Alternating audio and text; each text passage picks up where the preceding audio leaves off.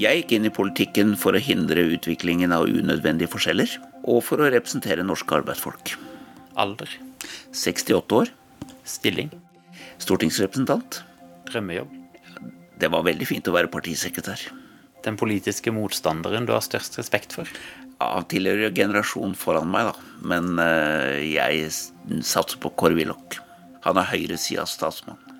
Din verste medietabbe. Det var under Bondevik-regjeringen, og jeg holdt eh, tale på årsmøtet i Nordland Arbeiderparti i Bodø.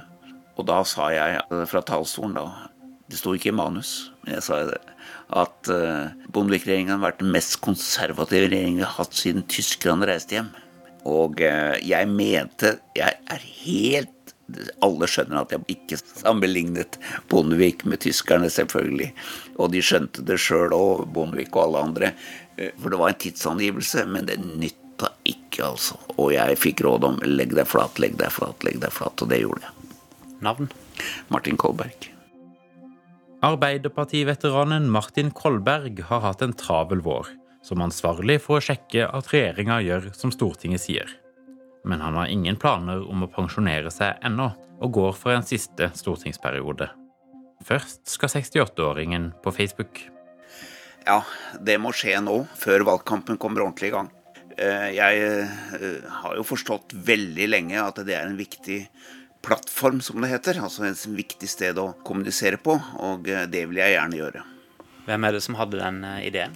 Nei, det har jo vært mange som har hatt den ideen lenge. Og jeg mener jo at det er veldig viktig å kommunisere direkte, som det heter. Selv om jeg er veldig glad i de tradisjonelle mediene. Jeg er glad i den gode journalisten som kan stille meg gode spørsmål. Fordi eh, Facebook utfordrer akkurat den kulturen, og det er jeg faktisk litt bekymret for. Men uh, hvis du håndterer Facebook ordentlig, så er det jo bra. Du er nå 68 år. I over 40 av de åra har du vært politisk engasjert. Og nå stiller du til valg til en ny stortingsperiode. Hva syns kona di om det? Ja, burde vi nesten spurt henne, men øh, det var en veldig grundig diskusjon før siste runde nå. For det er jo klart at det er mange aspekter med dette, men hun støtter det veldig. Slik at uten det så hadde det jo ikke gått an, for å si det slik. Men det er også ved siden av det du nå spør om, så er det veldig viktig å være klar over at erfaring er bra, men det har den siden ved seg at du har så mye erfaring at det kan være eh, øyeblikk hvor jeg tenker Martin, du følger kanskje ikke helt med. Altså, den nye tiden går så fort. Som sagt, bra med erfaring, men den har en side som kan peke i retning av at du ikke helt alltid er helt up to date. Så var det også en del av den vurderinga du gjorde. Ja, fordi at du kan, ikke, du kan ikke stille som kandidat til landets nasjonalforsamling uten å gjøre opp det spørsmålet med deg sjøl. Er du i stand til å fylle vervet på en ordentlig måte? Og eh, svaret mitt er blitt ja inni meg, sånn at jeg er rolig inni meg når jeg sier det. Eh, At ikke det er et intellektuelt svar, men at det er svar med hele, hele meg. Og det, gjorde jeg opp med meg sjøl før jeg gikk til partiet mitt her i Buskerud og sa at jeg stilte til kandidat og fikk tillit. Det er jeg glad for. Eh, Det er jo noen som har spurt det spørsmålet litt annerledes. De har spurt eh, hvordan har du holdt ut i 43 år? For det er 43 år.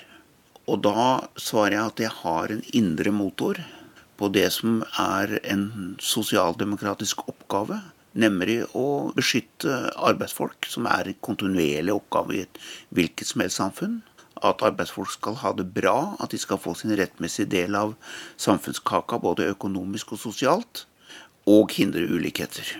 Det er sosialdemokratiets oppgave. I gamle dager så het det 'beskytte de som sitter nederst ved bordet'. Nå sitter ikke arbeidsfolk nederst ved bordet i Norge, eh, takk og pris. Eh, takket være fagbevegelsen spesielt. Men eh, dette er en politisk oppgave som jeg ikke var helt ferdig med. Og det var liksom det jeg klarte å gjøre opp med meg sjøl. Et langt politisk liv. Hva har vært det mest spennende så langt? Hverdagen er det mest spennende. Du må like alle hverdager. Du må like eh, det kontinuerlige arbeidet, og du må tåle det. Altså Du må tåle den, den lange prosessen og forstå at du er bare en del av en lang prosess. For uh, i min politiske analyse så er jo ingenting vunnet for bestandig. Og det er alltid kontinuerlig viktig å ta opp igjen oppgavene. Og Trygve Bratteli, som var partileder da jeg ble ansatt på Youngstorget i 73, han sa til meg husk på det, at du hver dag må slåss mot høyresida. Og det har jeg ikke glemt. Du har hatt en travel vår i kontroll- og konstitusjonskomiteen med mange saker. Eh, objektsikring, eh, beredskap, journalskandalen i Helse Sør-Øst. Hva har opprørt deg mest? Ja, eh, jeg må si objektsikringen.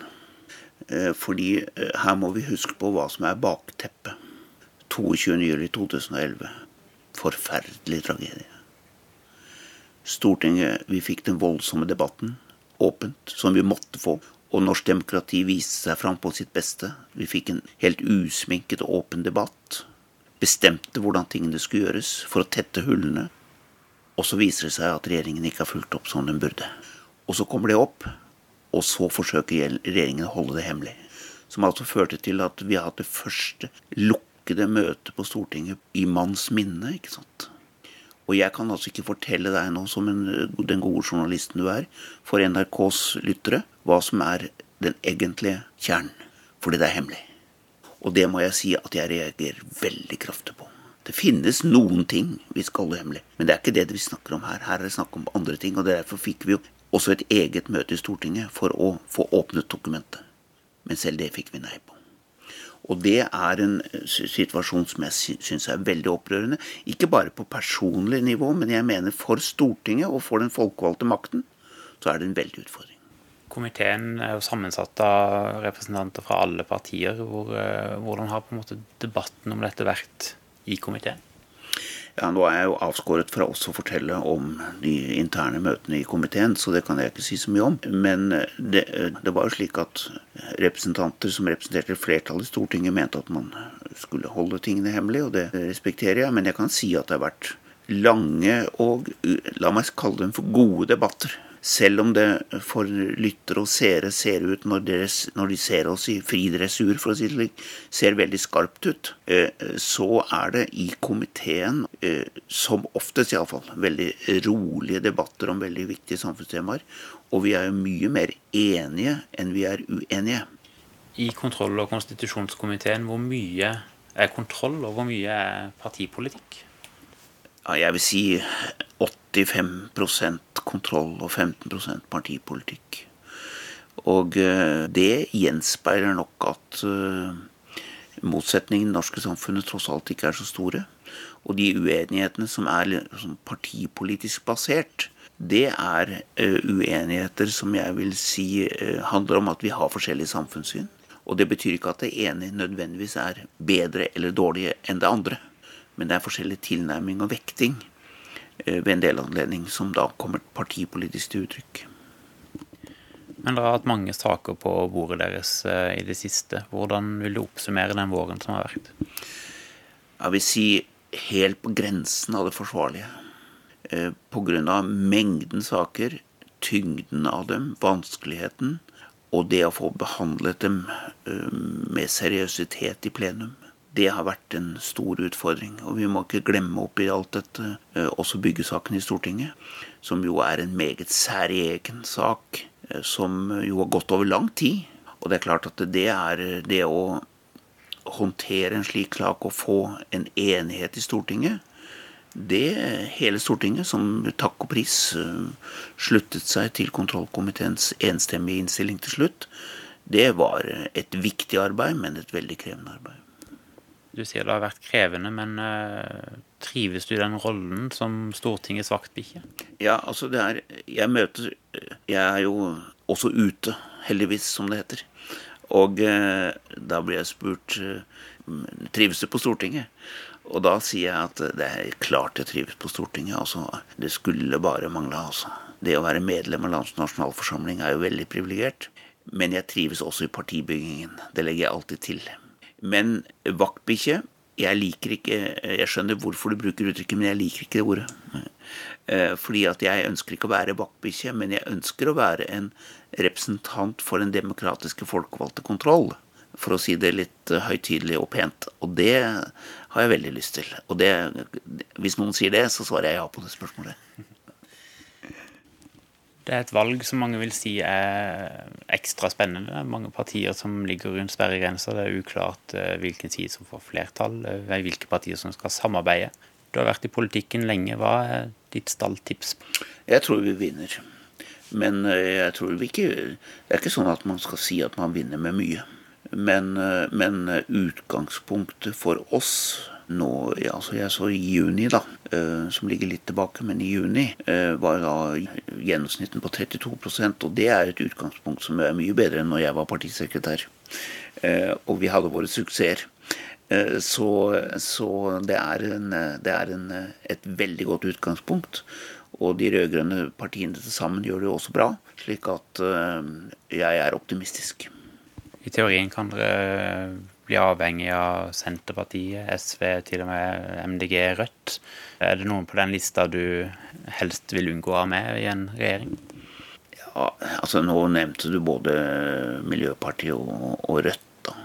Men altså da er det I regjering altså i regjering så tror jeg ikke noen av de to siste der heller vil. Slik at det er nok veldig hypotetisk. Jeg hører også at SV er litt skeptisk, eller i hvert fall forbeholdne, da. Og du må jo ville de partiene også. Men jeg tror ikke at vi Når det gjelder Rødt, så er det klart at det er, det er et parti av en veldig spesiell karakter. Så det tror jeg at jeg vil putte i den båsen at det vil vi nok ikke ha med i en regjering, for å si det sånn. Vi ba deg velge et slagord, eh, og du trakk fram eh, Du kan jo si det sjøl. Fagbevegelsen, fagbevegelsen, fagbevegelsen. Hvorfor er akkurat det så viktig for deg? Fagbevegelsen er helt avgjørende for norsk sosialdemokrati. Uten fagbevegelsen så har vi ikke en nubbekjangs altså, til å styre samfunnet i, i, til fordel for uh, folk flest, for å bruke et slikt uttrykk. Uh, for fagbevegelsen er en av grunnmurene i det norske samfunnet. Og uh, vår oppgave er å beskytte fagbevegelsen. Og det er jo en av de de veldig uforståelige, men vanskelige tingene, det er jo at denne regjeringen ikke har gjort det på samme måten. At den faktisk har, har uh, forsøkt å svekke fagbevegelsen indirekte. Og svekke arbeidsfolks vilkår gjennom å svekke arbeidsmiljøloven. Kontinuerlig. Mange slag i Stortinget om dette som ikke kommer heller til offentlighetens kunnskap. Men hvor det går heldigvis hardt for seg. Men vi har ikke hatt flertall. og uh, regjeringen har hatt Venstre på sitt, uh, sin side. Og jeg måtte si altså jeg forstår ikke at Venstre kan plassere seg slik. Og det blir det veldig vanskelig å tilgi dem politisk, må jeg si. Hva med ditt eget partis uh, tilknytning til fagbevegelsen? Er den som du mener han burde være? Ja. Det er uh, hvis noen journalister, om når jeg er ferdig i Stortinget, da kommer og spør meg hva er det viktigste du har oppnådd, Martin, Eh, så vet jeg allerede hva jeg kommer til å svare. Eh, hvis ikke, da må det skje noe helt spesielt eh, i åra fremover. Hvis ikke det skulle skje. Og da kommer jeg til å si at, jeg, at vi revitaliserte forholdet til fagbevegelsen og sørget for at, det, at vi holdt fast ved det i 2002-2003, og at det var en av forutsetningene for det rød-grønne regjeringssamarbeidet i åtte år. Det hadde ikke gått uten det samarbeidet og, eh, og LO på vår side. Eh, så det er eh, derfor fagbevegelsen, fagbevegelsen, fagbevegelsen. Men du sier altså at du både har hatt drømmejobben allerede, og sannsynligvis allerede oppnådd din største politiske seier. Hvordan motiverer du deg for en ny periode? Ja, det, det, det, ligger i det jeg sier om hverdagen. Det å fortsette det kontinuerlige arbeidet for å sikre dette byggverket mot alle angrep. Sikre trepartssamarbeidet, sikre velferdsstaten, Forsøk å hindre at det oppstår unødvendige ulikheter, Forsøk å gjøre alt vi kan for å opprettholde sysselsettingen, som er et nøkkel i samfunnet, videreutvikle den delen av velferdsstaten som enda ikke er bra nok. Alle disse tingene er noe som du brenner for uansett, selv om du nok vil føle etter så mange år at det er mye jeg har gjort. Og det er det som er min motor, og det er derfor jeg har bedt om tillit en gang til.